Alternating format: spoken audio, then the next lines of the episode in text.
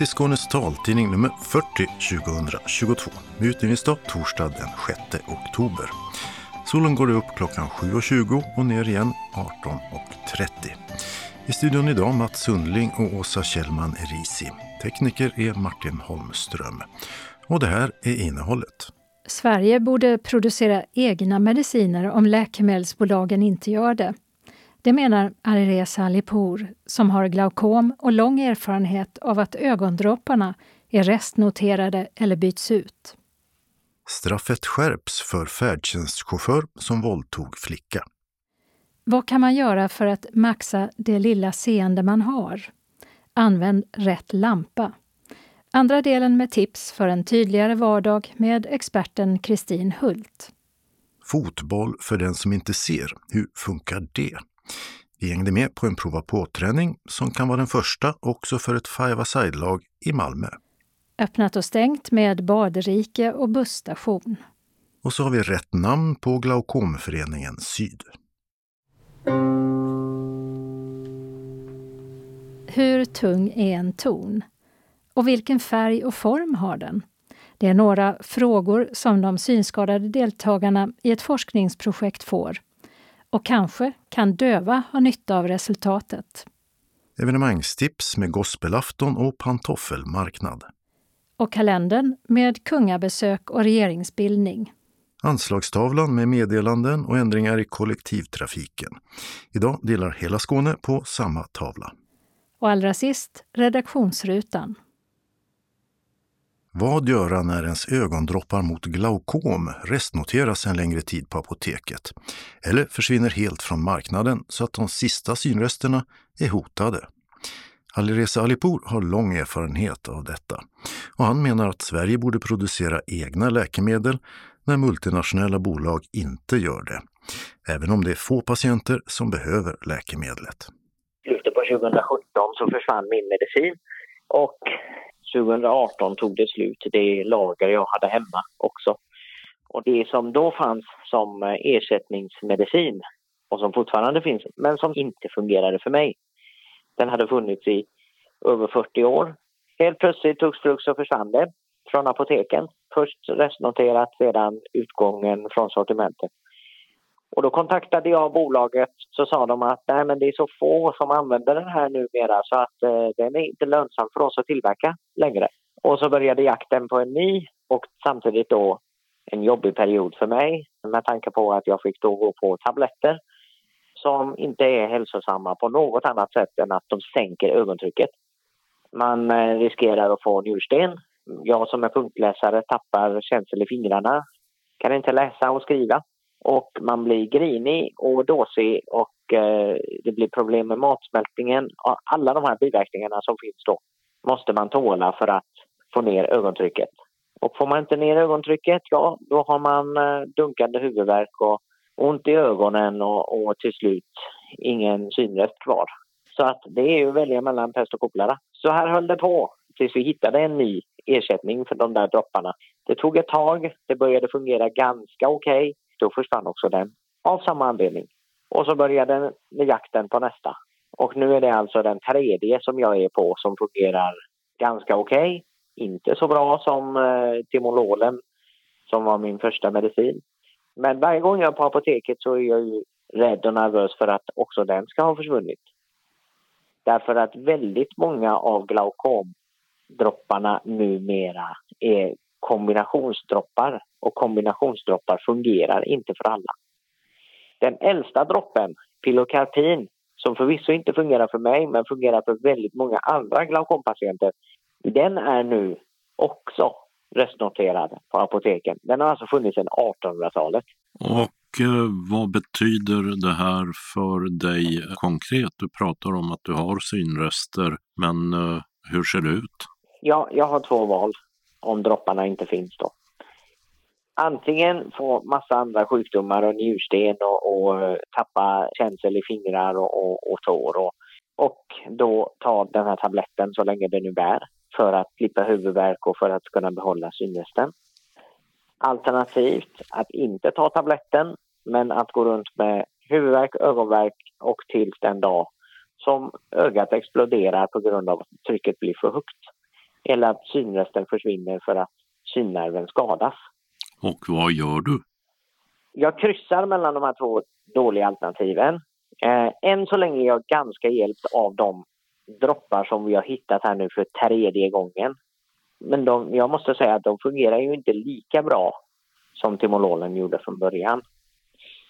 Men jag tar mig hjälpligt fram. Men som sagt, alltså om pilokarpinet som är från 1800-talet försvinner helt plötsligt så är jag inte särskilt hoppfull för att också den här inte ska försvinna. Som jag använder nu då som heter Betoptic. Att man leker så med människors hälsa för att det råkar bli lite mindre vinst. Och då ska jag också säga att under den här resan som jag har gjort så har jag testat väldigt många andra. Ögat har avvisat dem. Det går inte. Men du är ett särfall upplever du eller har du kontakt med andra med glaukom som du har liknande historier ifrån? Nej, men jag har ju kontakt med andra som har gjort samma resa med andra droppar men har gjort samma resa. Jag har kontakt med en eh, kille här som använder pilokarpin och han är ju helt desperat nu när pilokarpinet inte finns. Ibland önskar jag att vi fortfarande hade egen tillverkning av eh, läkemedel. Vissa saker måste faktiskt staterna se till att tillhandahålla. Det spelar ingen roll om det är två eller om det är 200 personer som behöver det. Och då ska inte vi patienter vara i händerna på bolagen som helt plötsligt när de får lite sämre marginaler kan fasa ut en droppe och sätta oss i skiten. Sa Alireza Alipour som har glaukom. På Läkemedelsverket så arbetar Maria Warnrud med tillgänglighetsfrågor när det gäller läkemedel. Ja, jag kan väl eh, börja med att bekräfta att vi har några stycken restanmälningar på just ögondroppar mot glaukom idag och eh, trimb har varit det en tid. En tid, hur länge får patienter gå utan som det ser ut? I det här fallet så finns ögondropparna i två olika styrkor där den ena förpackningen har varit restanmäld under större delen av det här året och den andra sedan slutet av april. Och en sån här restanmälan görs alltså när företagen av någon anledning inte kan leverera. Det har inträffat någonting i deras tillverkningskedja eller distributionskedja till oss. Oväntat hinder av något slag. Har ni någon påverkansmöjlighet eller är det bara att konstatera att eh, så är det just nu? Ja, vi kan ju inte trolla och få hit läkemedel då när det inte går. Då. Men vår roll när det gäller restanmälda läkemedel är att vi har en informationssamordnarfunktion kan man säga. Företagen är ju enligt lag tvingade eller ska anmäla då rester till oss och vi tar hand om den här informationen, sammanställer den och eh, kompletterar med viss information som vi har och publicerar den på webben och som öppnar data om kommande och pågående rättssituationer. Sen samverkar vi med aktörer inom apotek och vård och även stämmer av med olika patientorganisationer emellanåt om hur man kan göra för att mildra de här effekterna av eventuella bristsituationer. Och vilka är de vägarna då? Det vanligaste är ju att företagen kan ansöka om dispens där man har möjlighet i så fall att ta in produkt från annat land som saknar märkning och licens är ju i så fall läkaren som söker om möjligheten att ta in produkt som inte är godkänd i Sverige. Sen eh, de allra flesta gånger så finns det ju alternativa behandlingar i Sverige. Det kan vara andra förpackningsstorlekar som man får utbytt på apoteket eller annat ämne i. Då måste ju vården bli kontaktad. Ett nytt recept. Precis. Och om det nu vill sig så illa att det faktiskt inte går att ersätta helt och hållet, om det innebär biverkningar för patienten eller att det medel som kommer istället inte är lika bra. Är det någonting man då måste acceptera? Ja, patienten och behandlande läkare måste ju ha en dialog om vad är bästa alternativ för den här patienten. Läkemedelsverket, vi har ju inga egna lager som vi kan ta ifrån eller vi köper inte in läkemedel heller utan det måste gå vägen över vården och apoteket. Och om ett läkemedel försvinner från marknaden, vad gör man då? Det korta svaret är ju förnyad kontakt med vården också. Om det inte är så att, alltså i de allra flesta fall så finns det alternativ som man kan få. Det är ett fåtal fall skulle jag påstå som det inte finns några alternativ alls. Har du en bild av hur vanligt det är att eh, patienter faktiskt får ett sämre alternativ när något försvinner eller är restnoterat en väldigt lång tid? Jag kan väl inte uttala mig om ett sämre alternativ direkt. Men om man tittar på de läkemedel som är restanmälda så är det ungefär i knappt 10 procent av fallen som det inte finns något naturligt val. Alireza Alipour han tyckte ju att Sverige själv borde börja producera läkemedel som multinationella företag har fasat ut. Är det en möjlighet? Det som diskuteras mycket just nu är ju, det är lite för sent om det redan är slut, men det är kring ökad hemberedskap och om man kan tänka sig som privatperson också öka på sina egna lager så man inte går till apoteket för att hämta ut mera läkemedel när det i princip är slut hemma. Så det förs det också diskussioner att både apotek och regioner ska ha större lager än vad vi har idag.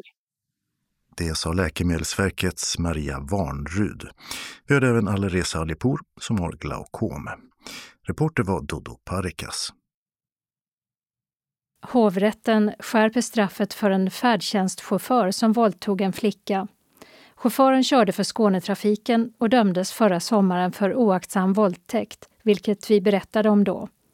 2020 slog den tonåriga flickan som har en neuropsykiatrisk funktionsnedsättning själv larm till Skånetrafiken om att färdtjänstchauffören väntade utanför hennes bostad trots att hon inte beställt färdtjänst och att hon tidigare blivit våldtagen av tre av dem. En av männen åtalades och åklagaren ville se honom dömd för två fall av grov våldtäkt, alternativt grov oaktsam våldtäkt. Men han dömdes av Helsingborgs tingsrätt för ett fall av oaktsam våldtäkt. Det vill säga att gärningsmannen borde insett att det fanns risk för att den andra personen inte deltog frivilligt. Straffet blev 10 månaders fängelse och 85 000 kronor i skadestånd till flickan. Domen överklagades av åklagaren och nu har hovrätten dömt honom till ansvar också för de två andra männen. En försvårande omständighet menar de är att han filmade övergreppet och la ut på sociala medier. Efter att hänsyn tagits till att han fått sparken som chaufför döms han nu till fängelse i ett år och åtta månader samt 100 000 kronor i skadestånd. På vår hemsida finns en länk till inslaget om tingsrättens dom förra sommaren med Skånetrafikens kommentar om att de kollar brottsregistren och stänger av chaufförer som beter sig olämpligt. Du hittar den i löpsedeln med veckans nummer under detta telegram. Hur kan den som ser lite grann använda sig av ljus och kontraster? Ja, det är temat i en serie med Kristin Hult som varit både synpedagog och arbetsterapeut i många år. Och målet är förstås att se så mycket det bara går. Kristin är numera pensionär och fortsatt engagerad i ämnet. Så vi bad henne dela med sig av sina tips för en tydligare vardag. I den andra delen av fyra handlar det bland annat om hur man kan tänka inför köp av en lampa. Jag har många lampor och ljuskällor. För det gäller ju att ha ljuset där man behöver det. Där är det väldigt individuellt vilket ljusbehov vi har. Och det, det, behöver man bli medveten om själv och det kan man ju testa lite grann med olika lampor. Man kan testa med olika starka ljuskällor. För att, eh, att bra ljus är inte samma sak som mycket ljus. Utan det gäller att få det, ett bra ljus ska vara avbländat. Det ska inte lysa rakt in i, i ögonen för då, då är, blir det jättesvårt. Men där, där behöver man bli medveten att man behöver ljus egentligen på alla arbetsytor. Ser man dåligt så behöver man ju ljus i köket. Jag har ju ljus över alla mina arbetsbänkar i köket. Och det är väldigt bra också med dimmer om man kan ha det därför att då kan man ställa in ljuset också för olika. För ljuset ser olika ut från morgon till kväll och från årstid till årstid. Nu närmar vi oss höstmörkret, det kommer ju här. Man märker ju redan att eh, mörkret kommer tidigare och då, då är det ju ännu viktigare att vi har ljus. För oss som då ser lite grann i olika grad så brukar det ju vara så att det är läsning, men när man upptäcker problemet så är det läsningen. Vi får svårt att läsa, vi kan inte läsa tidningen.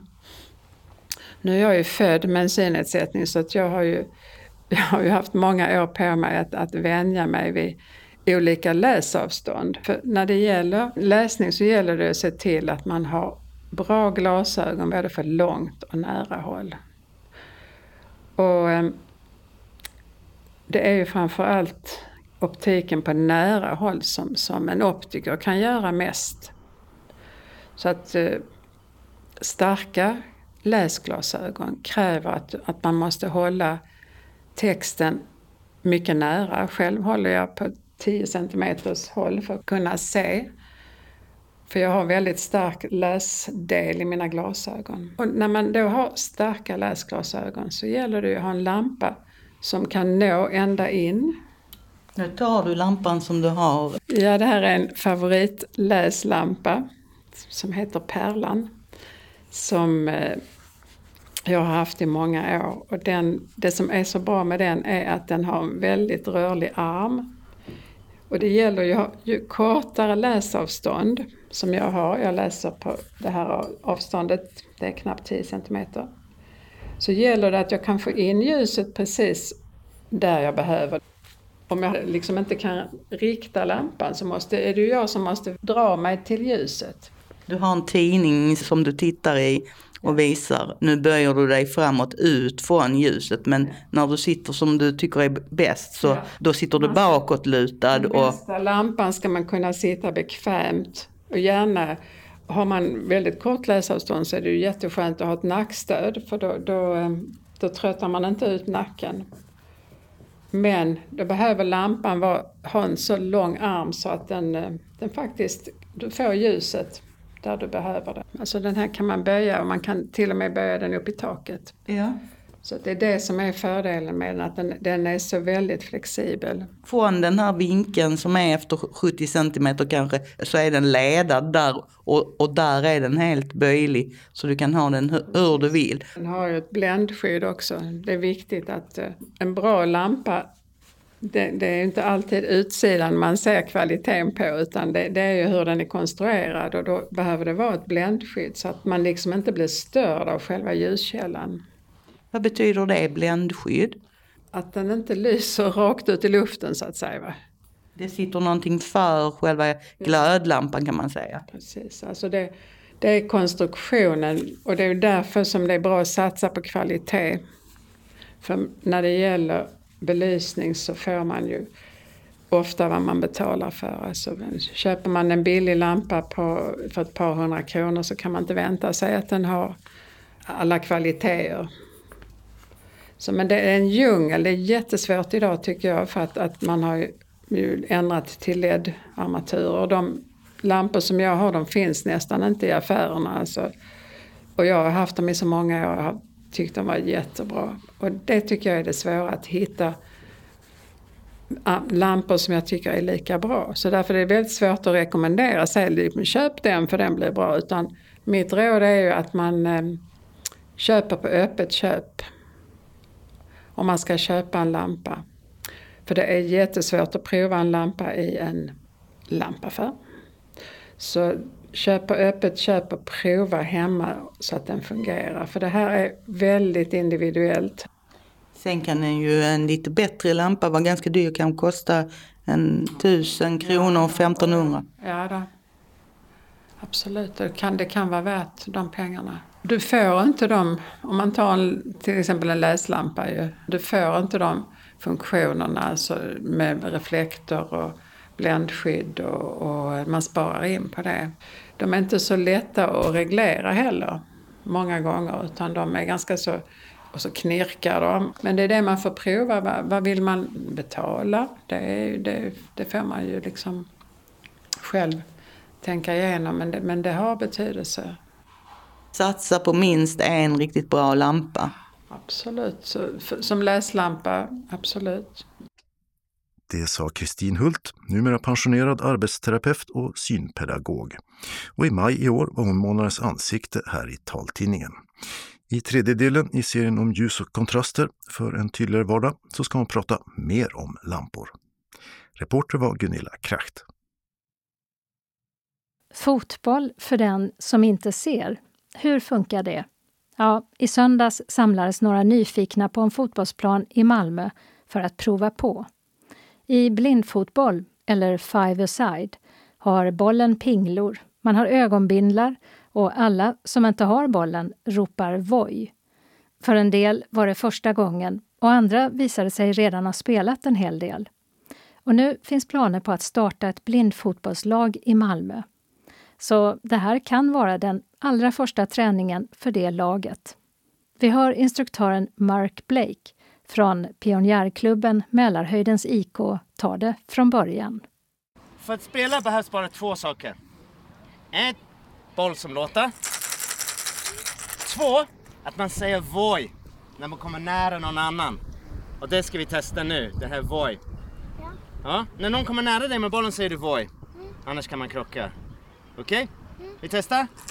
Voj, voj, voj, voj, voj, voj, Fortsätt. Fortsätt. Bra Laura. Och that's it. Det är ungefär det som behövs. Mm. Coachen Mark Blake som startade Mälaröjdens IK, Sveriges första blindfotbollslag, är på Hylle JP här och har en första genomgång med de 1, 2, 3, 4, 5, 6, 7 deltagarna. Som har ögonbindlar på sig. Här på Hylle JP. Och en fin gräsplan som är ungefär som en eh, handbollsplan i storlek med ungefär lika stora mål som i handboll. Och solen skiner och vinden blåser. Och så skakar man på den här bollen som har skramlor i sig. Börja Laura!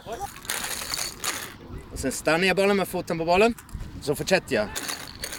Vi kallar det för bollkärlek. Det bästa är att testa. Det brukar vara så. Hassan, du är bortre målet. Hassan kommer säga mål, mål, mål. Jag är i det här målet och kommer säga mål, mål, mål. Och i mitten av planen kommer David att röra sig runt lite tyst. När ni tappar bollen, då kan ni säga Abdullah. Tappat. Och då går David till dig. Rör bollen, voj voj, Abdullah vet var bollen är och sen är han igång. Yes. Mål, mål, mål, mål, mål, mål, tre. Mm, nu kommer Laura och skjuter på målvakten. Oj, snyggt. Mål, mål, mål.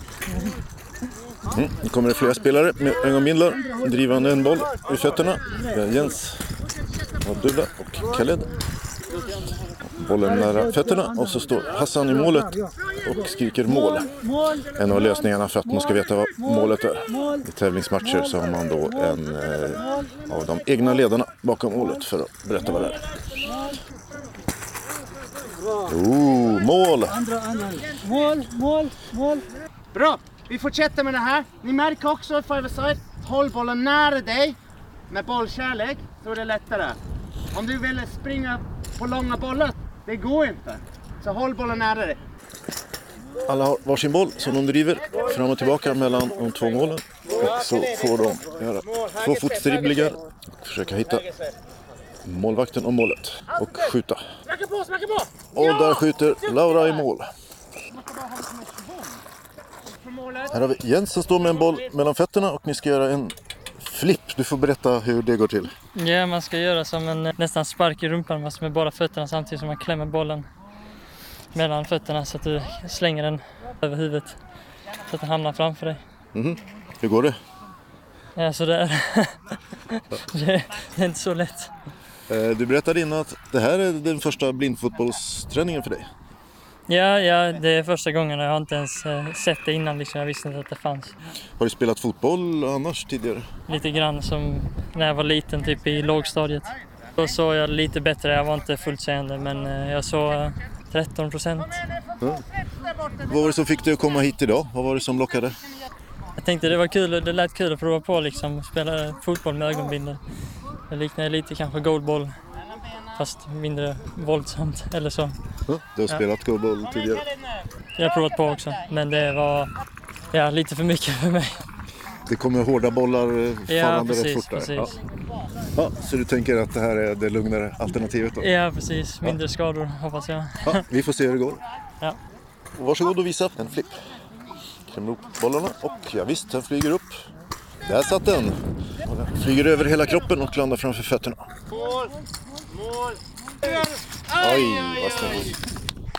Sullivan Kallat, eh, ordförande för US Syd ska vi säga också, men idag i Ja. träningskläder Precis. och fotbollsskor. Det var jättesnygga tvåfotsdribblingar där Ja. och ett precis skott.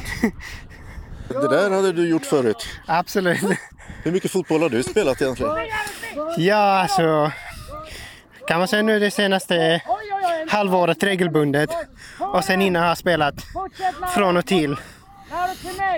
Så jag har kanske två, tre gånger per år åkt till Stockholm.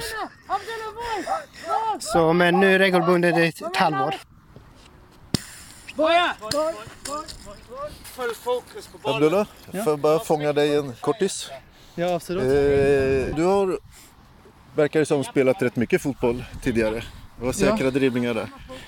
Ja, alltså jag är med i den eh, eh, internationella utvecklingsgruppen som är som landslaget. Och eh, jag tycker det här alltså med fotboll, five side, är den bästa sporten för synskadade eller blinda. För att eh, vad jag vet, det är den enda sporten där man kan som blind springa fritt. Eh, jag kan säga att det är inte mer farligt än vanlig fotboll i alla fall. Ja. Fast du krockade lite där med, med Jens. Det händer också i vanlig fotboll så det... Hur gick det med näsan? där?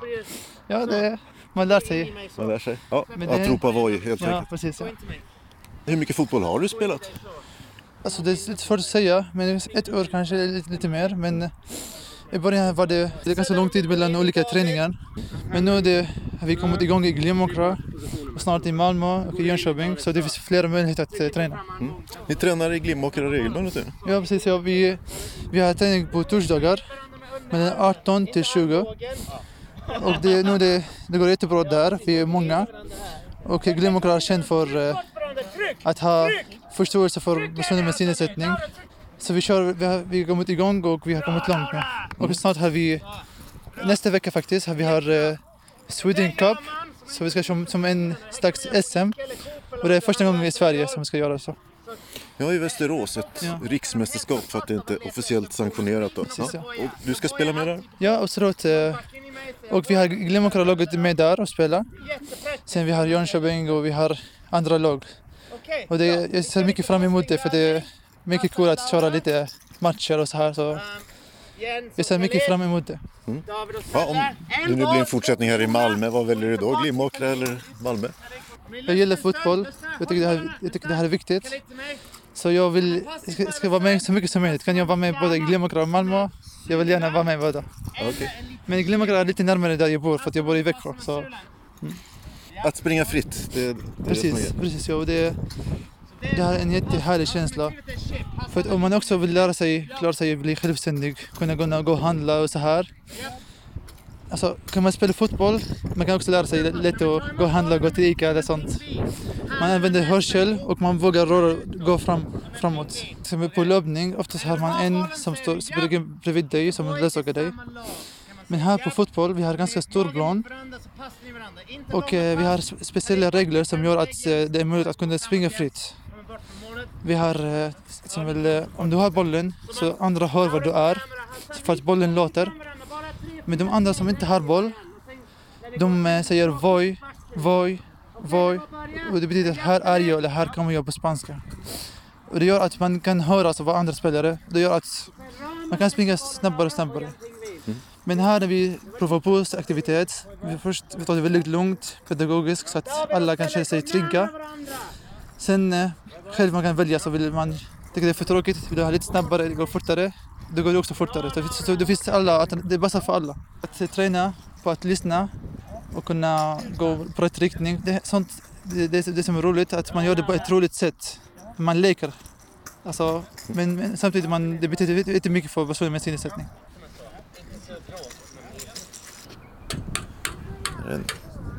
Övning att skjuta straffar. Den allra första då här i Malmö. Skjut Laura! Oh, Laura skjuter. Vänster stolpe. Nu räcker det lite. Riktigt bra skott. Eller David, vill du prova? Kan du blunda? Jag kan blunda. Ja, Laura, medan du väntar. Har du spelat fotboll förut? Nej. Hur gammal är du? Tio. Är det första gången du spelar fotboll? Det är jättebra. Ja. Ser du bollen? Eh, jag ser när den är nära mig här. Framför fötterna då? Ja. Ja, men inte när den är så långt. Har du spelat andra bollsporter tidigare? Golf Mhm. spelar jag. Okej. Ja, men då har du känt på bollar tidigare. Ja. Hur går det idag då? Är det kul? Ja, Vad är det som är roligast? allt. Ja, och det jättefina soliga höstvädret byttes väldigt snabbt ut till en eh, mindre orkan av, mindre storm av ösregn och eh, stenhårdblåst. Så nu har vi avbrutit träningen och står och har hittat en aning lä här i ösregnet. Sylman Kallat, du tror och hoppas eh, och jobbar för att det ska bli fotboll här. Ja, vi, vi håller på just nu. Vi håller på att kolla på tider så, alltså, inomhus. Träning, alltså på konstgräs inomhus. Så eh, just nu har vi eventuellt en tid. Och någon gång i november kommer vi komma igång, alltså en gång i veckan. Sen nu var det prova på slash första träningen och sen med regelbunden träning blir det november. Ska du spela riksmästerskapen i Västerås? Ja, det ska jag åka dit nu 7 till 9 oktober. Då vi kommer ha ett lag från ja, Skåne i alla fall. Och vad är målsättningen där då? Vi, vi får se det som sagt. Det är första gången så man vet inte hur bra man är i jämförelse med de andra lagen som finns. För det finns tre, kan man, ungefär tre lag till. Ja, som kanske då möter varandra för första gången också. Ja. Sist hörde vi Suleiman Kalat om förhoppningarna inför det första riksmästerskapet i Västerås och om planerna på ett blindfotbollslag i Malmö. Vi hörde också Abdullah Amar, tränaren Mark Blake samt Jens och tioåriga Laura Johansson som provade på sporten för första gången.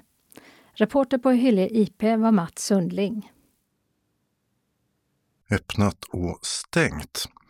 I centrala Broby har en ny busstation invigts nära den gamla. Där finns ett konstverk bestående av stenar i ankelhöjd, sammankopplade med kedjor. Konstverket sägs symbolisera inkludering.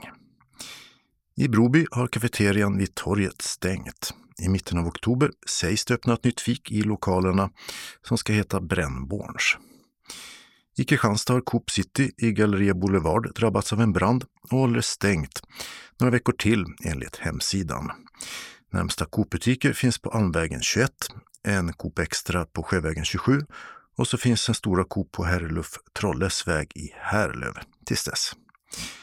Kristianstads badrike heter stans nya badhus.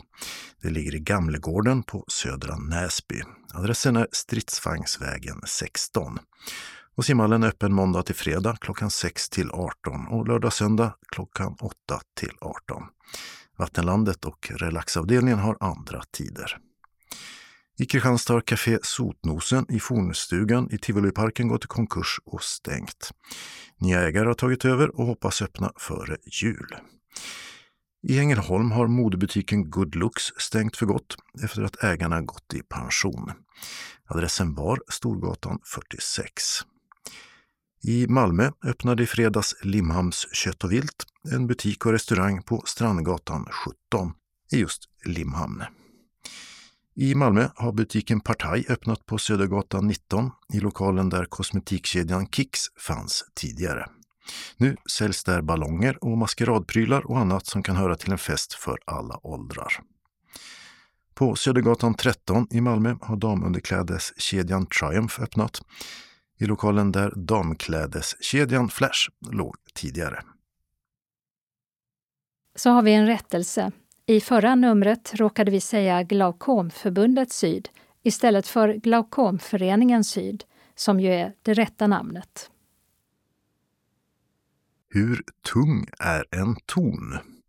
Vilken färg har den? Och vilken form? Ja, det är några av frågorna som de synskadade deltagarna i ett forskningsprojekt vid Musikhögskolan i Malmö får. Och en av dem är Skånes taltidnings kanslist Carla Perez de Arce Novitsky.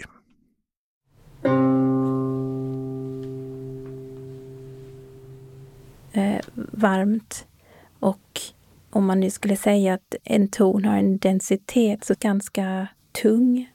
Och om den skulle ha en slags närhet så skulle jag säga att den är ganska nära. Och om jag skulle ge den en eh, textur, en slags strävhet. Här skulle jag säga att det är en medelvarm ton som befinner sig i en slags närhet fast eh, lite längre ifrån. Om jag skulle sätta en färg på det så skulle det kanske vara en, en gul ton. Inte tung men inte fullständigt eh, lätt utan någon slags medel, medeltyngd. Och om jag skulle sätta en, eh, ett material på det så kanske det skulle vara någon slags sammet kanske. The aim is that with the community of the blind and the visually impaired, we can find textures and forms of music. With their tactile sensitivity, music and sound can have a form or a shape.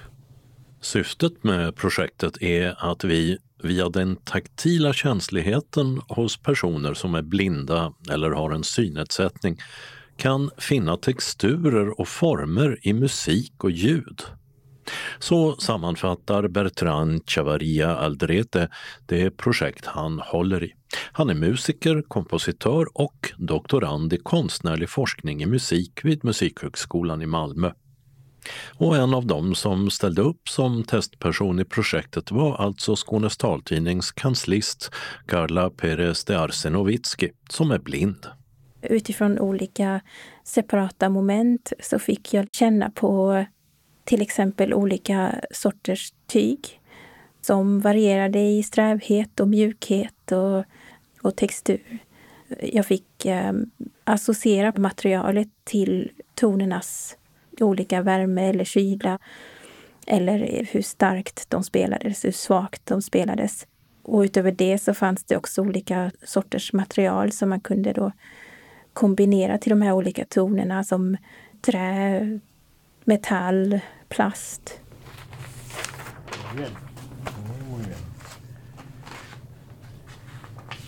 Mira, tengo eh, con unos pesos con diferente peso.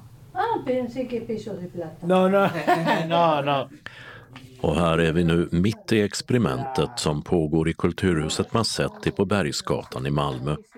Doktoranden Bertrand Chavaria Aldrete som kommer från Mexiko är spansktalande, liksom den synskadade Malmöbon Anna Silva som är en av försökspersonerna. Hon ska nu ange vilken tyngd hon upplever att tonerna som spelas upp för henne har. De diskuterar om det är vikter i silver i de små flaskorna som hon ska ange tyngden med, men det är det inte. Son los mismos frascos de plástico, pero tienen diferentes pesos. Entonces, si los quieres ordenar eh, como tú quieras. Och där har Anna Silva fått ett antal uh, små flaskor som hon just nu håller på att ordna upp. Exactamente. Bueno. Okay? Entonces.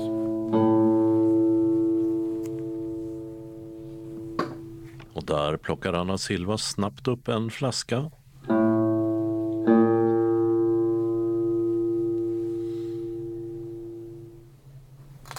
Och så en annan efter nästa ton.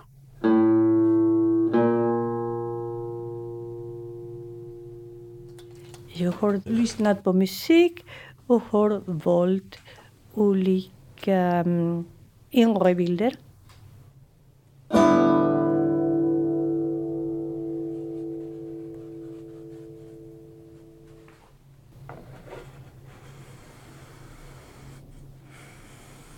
Och Och nu har Anna Silva sand på en bricka framför sig och ritar figurer med fingret efter tonerna.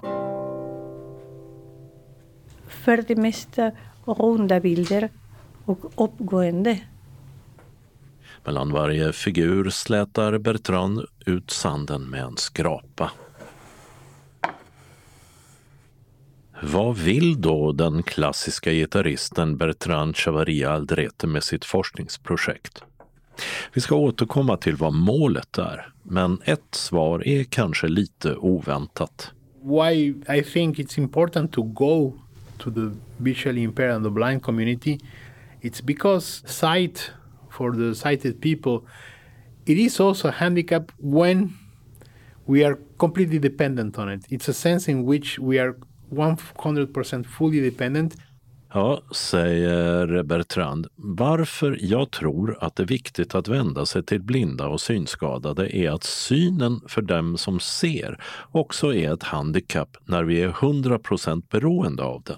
And this dependency also makes us of, uh, forget or miss certain aspects that are hidden in, in real life.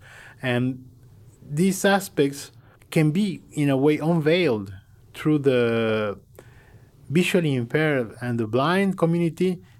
Och det beroendet får oss att glömma och missa vissa aspekter som är dolda för oss, men som på sätt och vis kan avslöjas genom blinda och synskadade, därför att de inte har det handikapp som synen innebär. La caja la vamos a poner a otro lado. Ah, se puede levantar. Sí. Och jag som i timtal förstummad följt Bertrands experiment och hört Carla och Anna beskriva ljudens strävhet, tyngd, färg och densitet förstår plötsligt vad han menar, även om jag, precis som han säger, faktiskt har en funktionsnedsättning i det här fallet.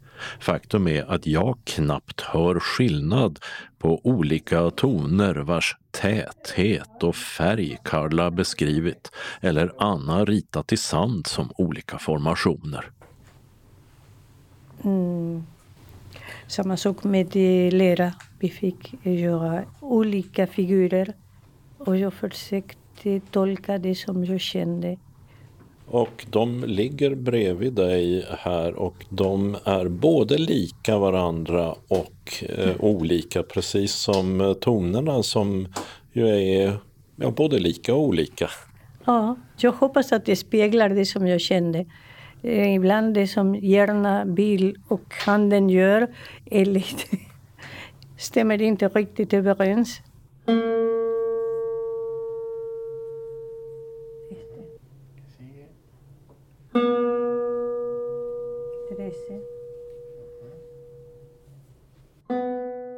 And my project is mm, what I call is plastic extension of music. And this plastic extension is how to give shape or a form to music. Bertrand Chavaria Aldrete säger att hans projekt handlar om plastisk förlängning av musiken. Att ge musiken kropp eller form. Något som Annas vita lerfigurer här på bordet är ett exempel på. En del lite utsträckta, andra mer sammantryckta. Eller att beskriva en tons strävhet utifrån grovleken på sandpapper.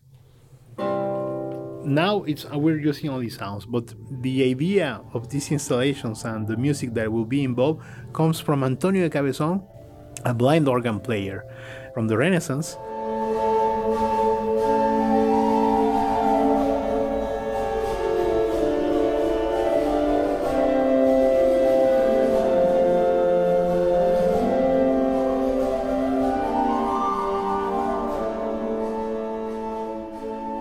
I experimentet används just nu bara toner eller korta ljud, säger Bertrand.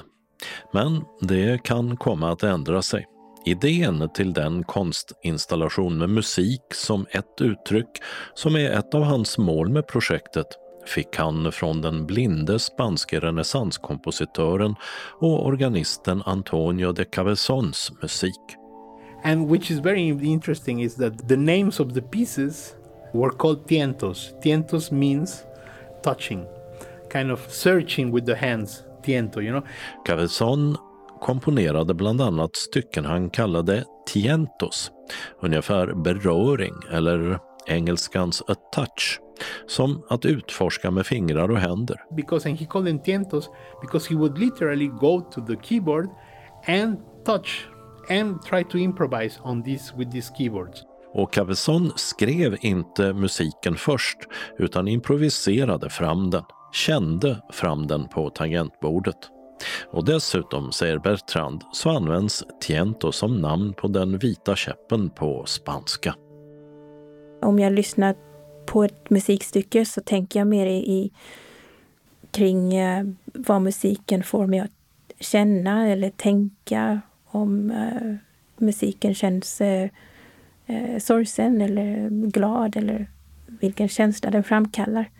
Så det var eh, ett helt nytt sätt att tänka på kring, kring just enskilda eh, ljudstycken eller toner. Once we have these forms and this catalog of sounds, we can transcribe this music to the hearing impaired so they can have an access to music with the touch and the tactile uh, sensation of the blind.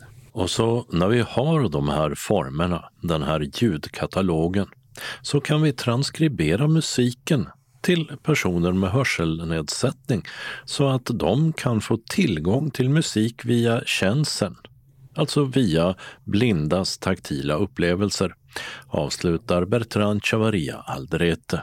Det jag upplevde det var att jag kunde bidra till att på något sätt förmedla en slags känsla i de här tonerna så att personer eh, som är döva eller dövblinda får en viss förståelse av ljud. Vetskapen att det skulle användas på det här sättet var väldigt, eh, kändes väldigt spe speciellt.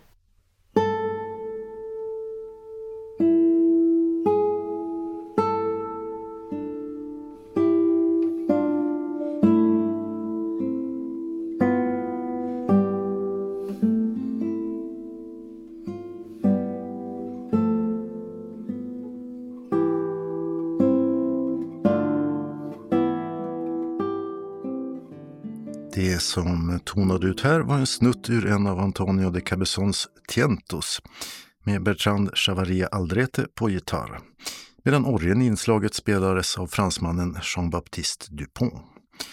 Och eftersom det här reportaget byggde på de första testerna inför själva forskningsprojektet så är Bertrand Chavaria Aldrete mycket intresserad av fler deltagande synskadade testpersoner.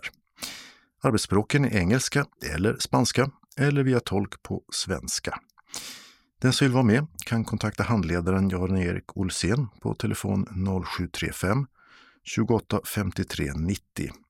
E-post jan understreck erik med ett c. Olsen snabela ub.lu.se. Eller ska man kontakta Bertrand på e-post bertrand.chavaria, c h a v a r i a understreck aldrete snabel Reporter var Dodo Parikas. Evenemangstipsen börjar med syntolkad film.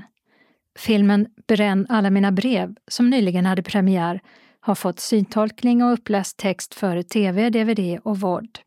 Filmen, som regisserats av Björn Runge, bygger på Alex Schulmans självbiografiska roman med samma namn. I rollerna ses bland andra Asta August, Gustav Lind och Bill Skarsgård. Även filmen Triangle of Sadness har fått syntolkning och uppläst text för bio.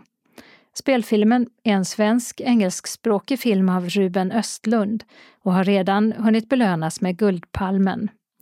Triangle of Sadness skildrar satiriskt modevärlden och skönhetsindustrin.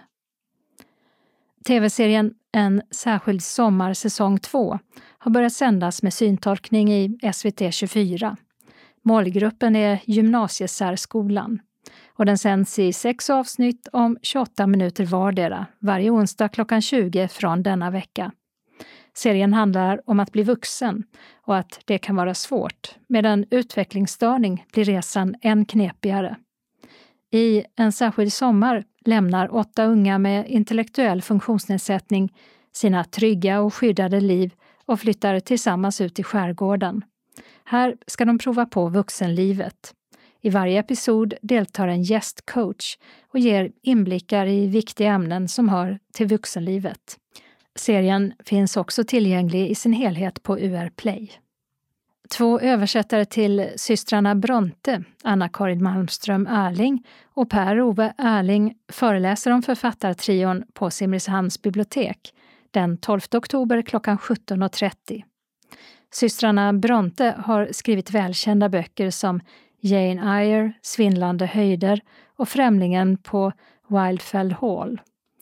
Anna-Karin Malmström Erling och Per-Ove Erling gjort de första översättningarna av Charlotte Brontes romaner Villette, Professorn och Shirley, vilka gavs ut i mitten av 1800-talet.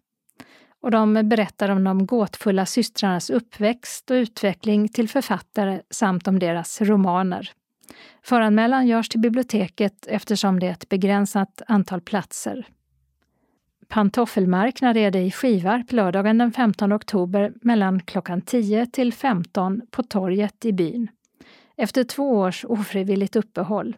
Potatisodlare är några som kommer att finnas på plats tillsammans med lottor, skolor och församlingen. Och det blir såklart en hel del mat. Helsingborgs symfoniorkester gör en konsert för de allra yngsta den 15 oktober klockan 15 tillsammans med barnprogramstjärnan Ayla Kabaka. Allsång för de yngsta är en musikalisk upplevelse där alla får vara med. Och repertoaren består av nya och gamla barnsångsklassiker och på scen finns även förskolebarn från Drottninghög. Tillsammans lär de publiken sånger på sina modersmål som makedonska, albanska och arabiska. Biljetterna kostar från 85 till 130 kronor och biljetterna köps hos Helsingborgs konserthus. Den kvinnliga övergångsåldern är temat för det sceniska körverket Äggen är slut som ges på Kulturkvarteret i Kristianstad söndagen den 16 oktober klockan 15 till 16.15. 15.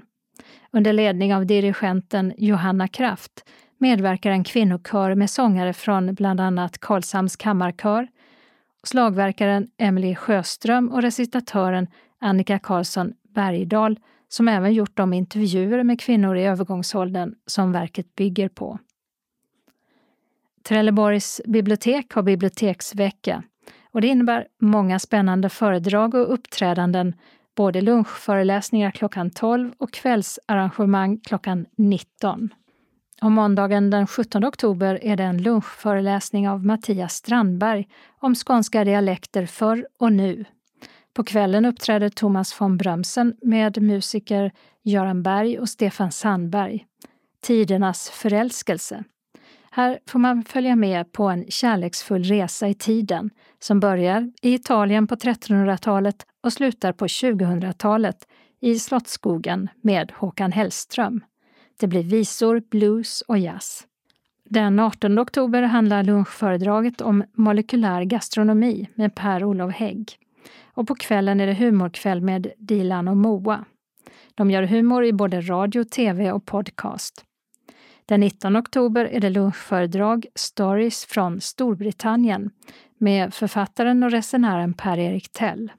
Och på kvällen berättar läkaren och humoristen Henrik Widegren om medicinens sjuka historia. Torsdagen den 20 oktober handlar det om Lina John som var fotograf i 1800-talets Skåne. Och det är Marika Eriksson som berättar om denna pionjär. På kvällen samma dag blir det ett möte med Lill Lindfors och det är Lars Tullin som samtalar med henne.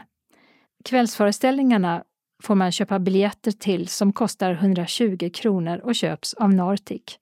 Eller så kan man kontakta Trelleborgs bibliotek för att köpa eller boka biljetter. Lunchföredragen är gratis men det krävs föranmälan till arrangemang.bibliotek trelleborg.se. Shared reading, eller delat läsande, av det eftertänksamma slaget blir det på Stadsbiblioteket i Kristianstad torsdagen den 27 oktober, 17 november och 8 december klockan 15 till 16.30. Litteraturvetaren med mera, Mary Ingemansson, läser högt och sen diskuteras alla innehåll och tankar som väcks av texterna. Varje träff är fristående och det är obligatorisk föranmälan på telefon 044 13 67 10 eller e-post maria.reppen kristianstad.se. Personal kan möta upp i entrén och ledsaga till träffen om man säger till vid anmälan. Det blir gospel på Nöjesteatern i Malmö den 1 november klockan 19 då Soweto Gospel Choir kommer till Sverige med sin turné Heart of Africa. Kören har vunnit Grammy Award tre gånger och framför bland annat sin egen tolkning av Amazing Grace och Leonard Cohens Hallelujah. Konserten är en timme och 50 minuter lång inklusive paus. Julius biljettservice säljer biljetter som kostar 695 kronor.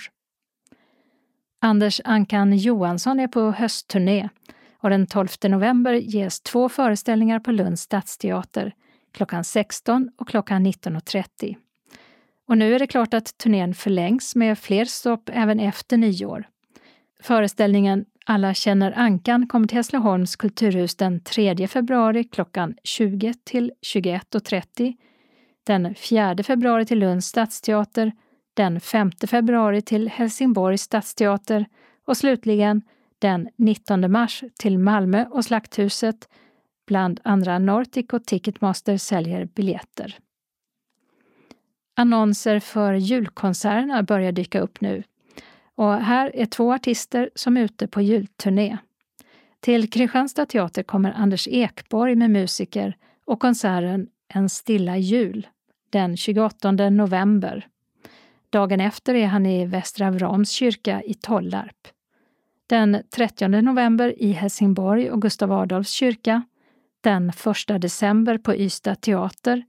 Den 2 december i Anders Ekborg i Lilla Slågarps kyrka utanför Trelleborg och sista stopp i Skåne blir det i Malmö och Sankt Johannes kyrka, men då tillsammans med Gunilla Backman den 12 december och den 13 december i restauranglokalen Glasklart, också i Malmö.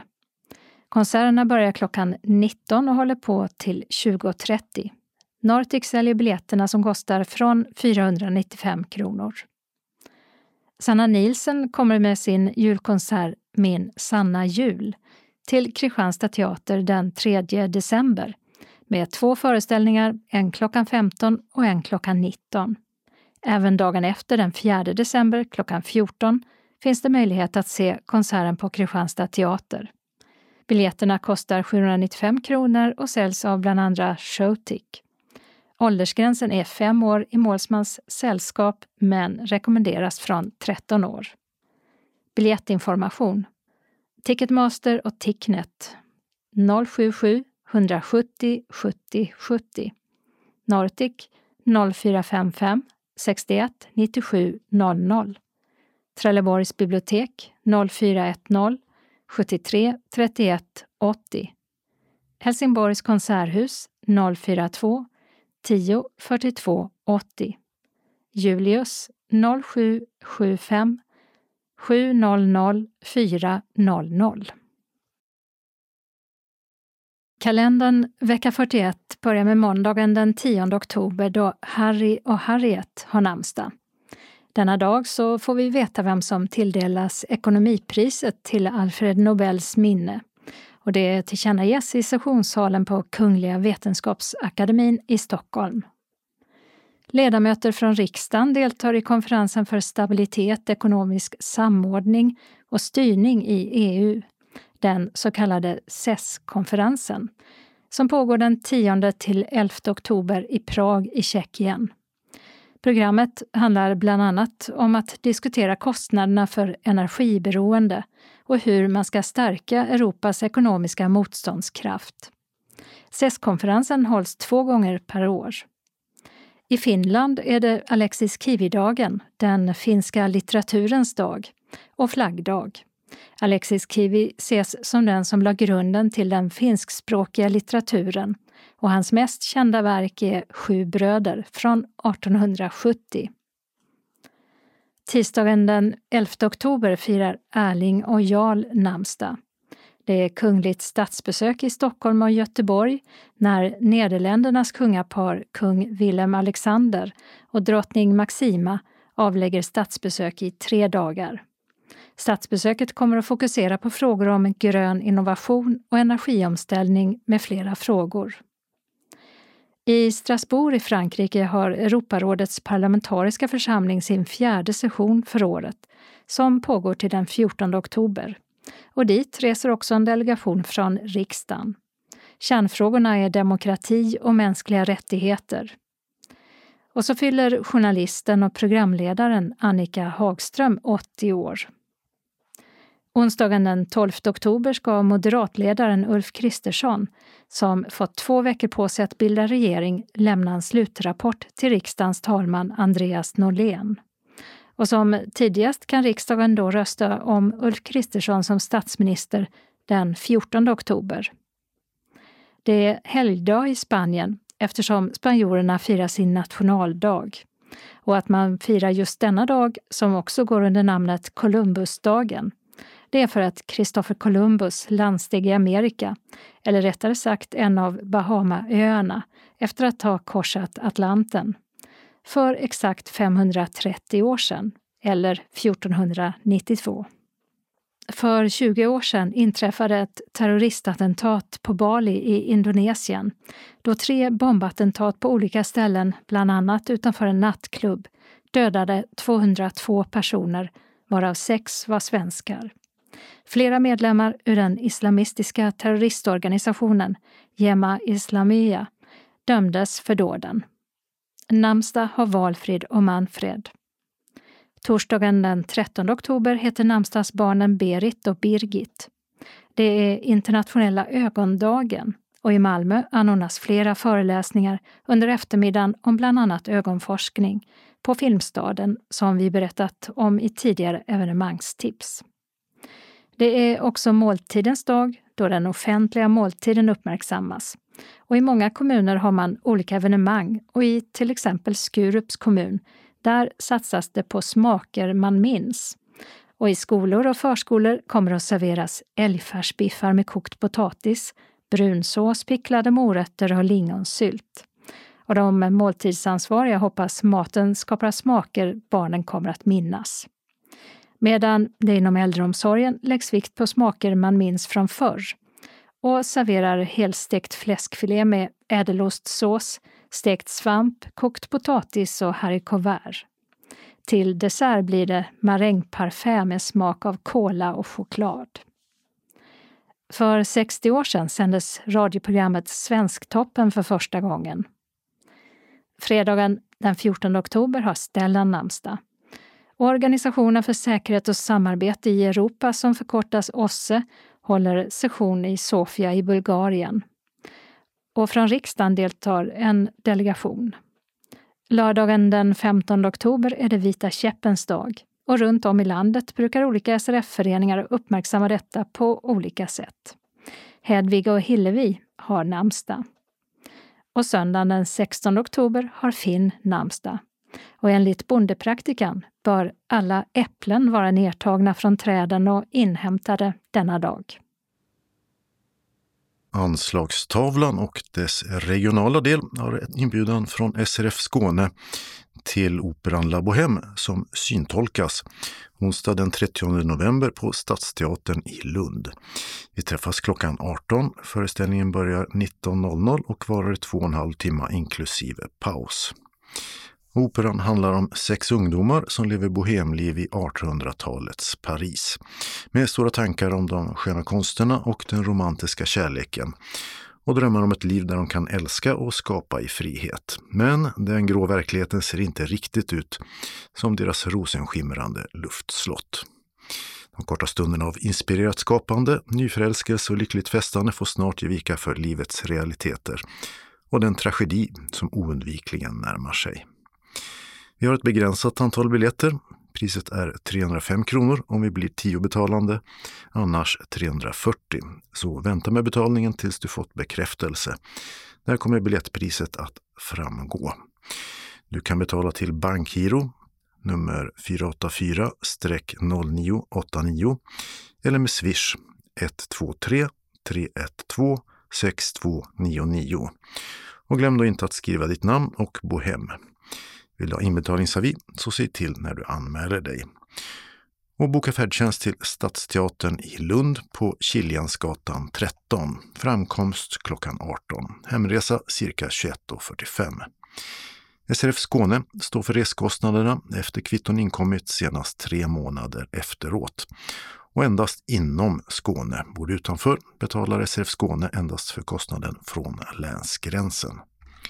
Anmälan sker till SRF Skåne på telefon 040-777 75 eller via e-post till skane srf.nu senast fredag den 14 oktober.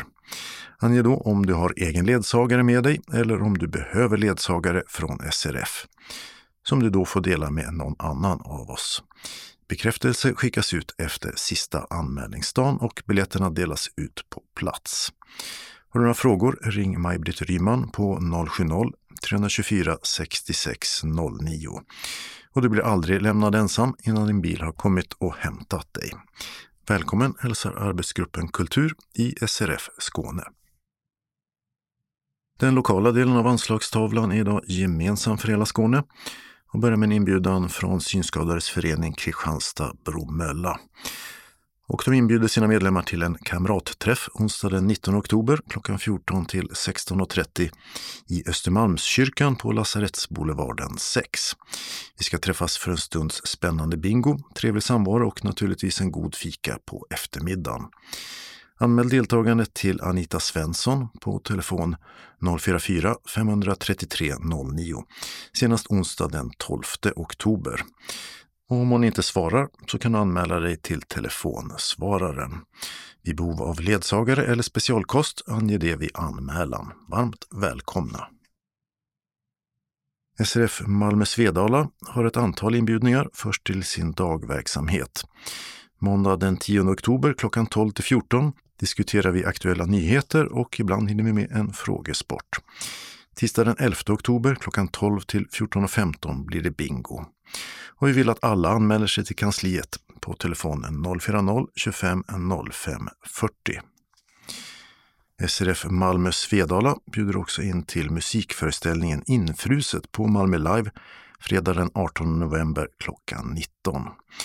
Upplev när Mando Diaos succéalbum Infruset med Gustaf Fröding-tema kommer till liv tillsammans med Arja Saijonmaa med flera och Malmö symfoniorkester. Vi träffas klockan 18.15 på Malmö Live. Adressen är Dag Hammarskjölds torg 4 i Malmö. Föreställningen är två timmar lång inklusive paus. Det kostar 506 kronor per person som man betalar via bankgiro eller swish senast 30 oktober. Skriv infruset och deltagarens namn vid betalningen. Behöver inbetalningskort så meddela kansliet. Anmäl dig senast den 10 oktober och glöm inte meddela om du behöver ledsagare. Först till kvarn gäller. Och behöver man komma i kontakt med någon så ring Maj-Britt Ryman 070-324 6609. Välkommen hälsar styrelsen. SRF Malmö Svedala hälsar också att det är dags att beställa 2003 års almanacka. Priset är för storstil 265 kronor, storstils vägalmanacka i A4-format 165 kronor. Och punkt veckoalmanacka A6 spiral, punkt månadsblad lösblad 4 hål och punkt månadsblad lösblad 6 hål kostar alla 120 kronor. Ring kansliet gärna så fort som möjligt, men senast torsdag den 13 oktober och gör din beställning. Hämtning av almanackor sker på kansliet. Om man vill ha den hemskickad så får man stå för frakten själv. Välkomna att beställa!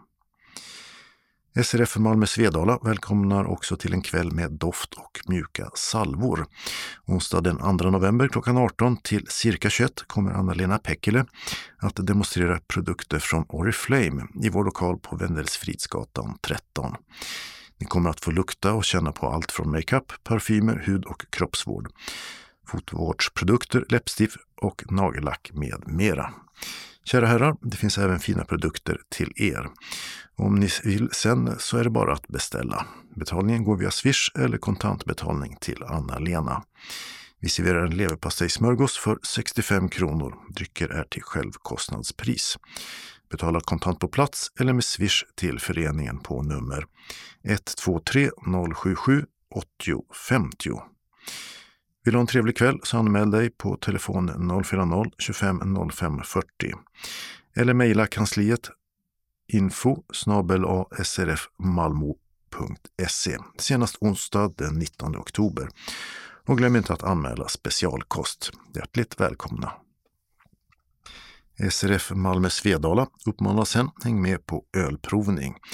Hjärtligt välkomna till en provning av världens öl på Systembolaget i Hansa-kompaniet. Adressen är Malmborgsgatan 6 i Malmö. Onsdag den 30 november mellan klockan 19 och 21. Vi får smaka tio sorts öl från flera olika länder. Avgiften är den faktiska kostnaden på 400 kronor per person.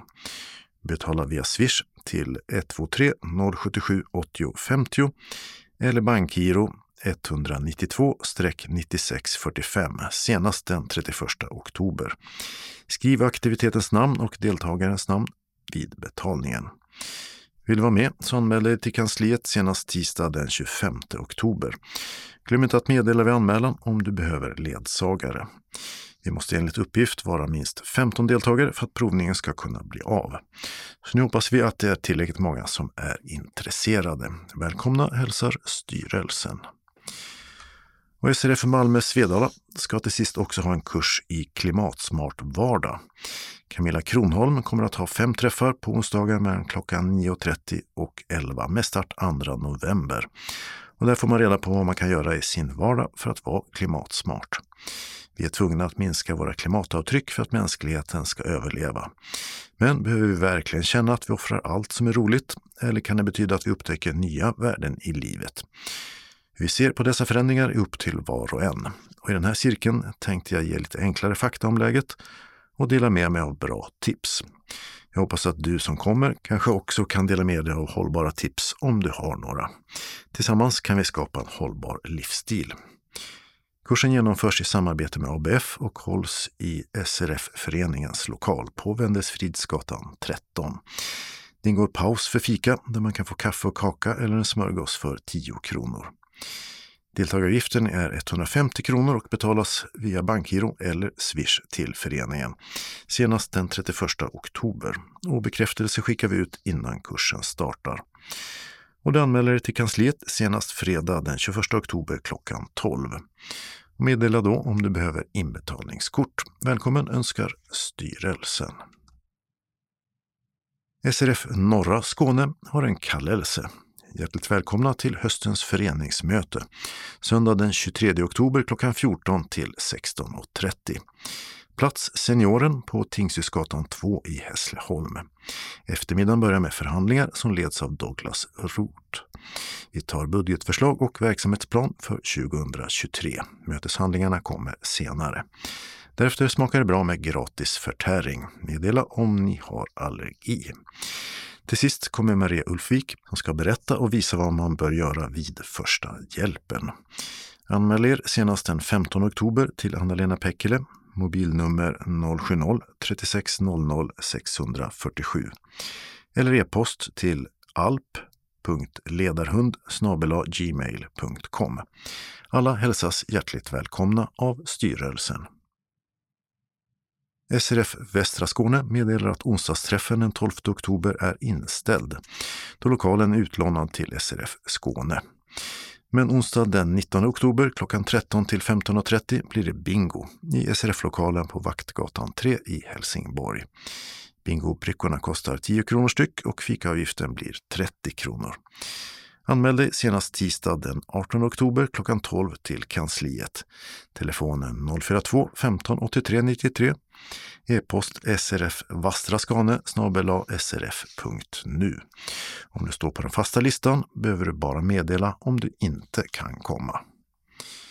SRF Västra Skåne meddelar också att det är dags att beställa almanacka för 2023. Den är i A5-format med text och siffror i svart färg och helgdagarnas datum i vit text mot röd ruta. Priset är 100 kronor och på framsidan kan du få ditt namn. Fram och baksida är plastad. Beställ från kansliet och om du inte kan hämta din almanacka kan vi skicka den till dig med inbetalningsavi och portokostnad medtagen. Vi rundar av med några tillfälliga ändringar i kollektivtrafiken. I Hör stängde man i måndags av en del av Maglasätevägen och regionbuss 448 hållplats Munkarpsvägen är stängd med hänvisning till Hörs station läge D. Hållplatsen Yxnaholm är också stängd i bägge riktningar. Här är hållplatsen Maglasäte närmsta alternativ. 1,2 kilometer västerut på väg 13. Den 18 november klockan 16 ska det arbetet vara klart. I Eslöv bygger man om regionbuss 474 hållplats Kungshult-Riksvägen och fram till den 7 november klockan 16 finns en tillfällig uppställd cirka 150 meter västerut på väg 17. I Skanör har man börjat ett arbete på Nyvångsvägen som stängt regionbussarna 100 och 300 hållplats Stefan Lövings väg. En tillfällig hållplats är uppställd en kilometer åt sydväst på Nyvångsvägen. Och hållplatsen Nyvångsvägen är stängd och ersätts av en tillfällig som ligger 130 meter åt sydväst om den ordinarie. Också den på Nyvångsvägen. Den 28 oktober klockan 16 ska de vanliga vara öppna igen. I Limhamn har man stängt stadsbuss 47 hållplats Valborgsgatan med hänvisning till hållplatsen Packhusgatan som ligger på Limhamnsvägen cirka 500 meter åt nordost. Hållplatsen Stranden, läge C, ersätts av läge B och den ligger 120 meter söderut på Linnégatan. Och så ska det vara till den 21 oktober klockan 16. I Malmö har man stängt hållplatsen Hylje kyrkoväg, läge B, för ombyggnad och resande med fyrans buss får använda hållplatsen Götgatan B eller Limhamn centrum, läge B, fram till den 18 november klockan 15. I Helsingborg börjar torsdag den 6 oktober ett arbete på Planteringsvägen som från klockan sju stänger hållplatsen Öresundsgatan i bägge riktningar. De som reser med stadsbuss 1 och 2 får använda en tillfällig stolpe 150 meter norrut på samma gata. Och så ska det vara till den 21 oktober klockan 16. I Helsingborg har ett arbete på Rektorsgatan försenats och stadsbuss 7, 26 och 27 hållplatser Slottshöjden och Fredriksdalsplatsen fortsätter vara stängda till den 17 oktober klockan 7 med samma ersättare som vi tidigare nämnt. Och på Järnvägsgatan stänger hållplatsen Helsingborg C, läge N. Och de som reser med stadsbuss 1, 2, 3 och 7 får använda en tillfällig hållplats 120 meter framåt i körriktningen. Medan resenärer med åttans buss behöver ta sig 30 meter bakåt den ordinarie stolpen. Men bara fram till den 7 oktober klockan 16. Och i Hässleholm till sist har ett arbete på Kaptensgatan försenats igen och stadsbuss 2 hållplatser Gethornskroken och Backsländsgatan fortsätter att vara ersatta av de vi tidigare nämnt fram till den 14 oktober klockan 16. Och med det beskedet var det slut på veckans Skånes taltidning. Nästa nummer kommer nästa torsdag den 13 oktober. Skånes taltidning ges ut av Region Skånes psykiatri och habiliteringsförvaltning. Ansvarig utgivare är Martin Holmström. Postadress Jörgen Ankersgatan 12, 211 45 Malmö. Telefon 040-673 0970. E-post Skanes taltidning snabela skane.se och hemsida skanestaltidning.se. Observera att CD-skivorna inte ska skickas tillbaka till oss. Såväl skivor som kuvert kan läggas i brännbara sopor när ni inte längre vill ha dem. Vi hörs igen. Hej då!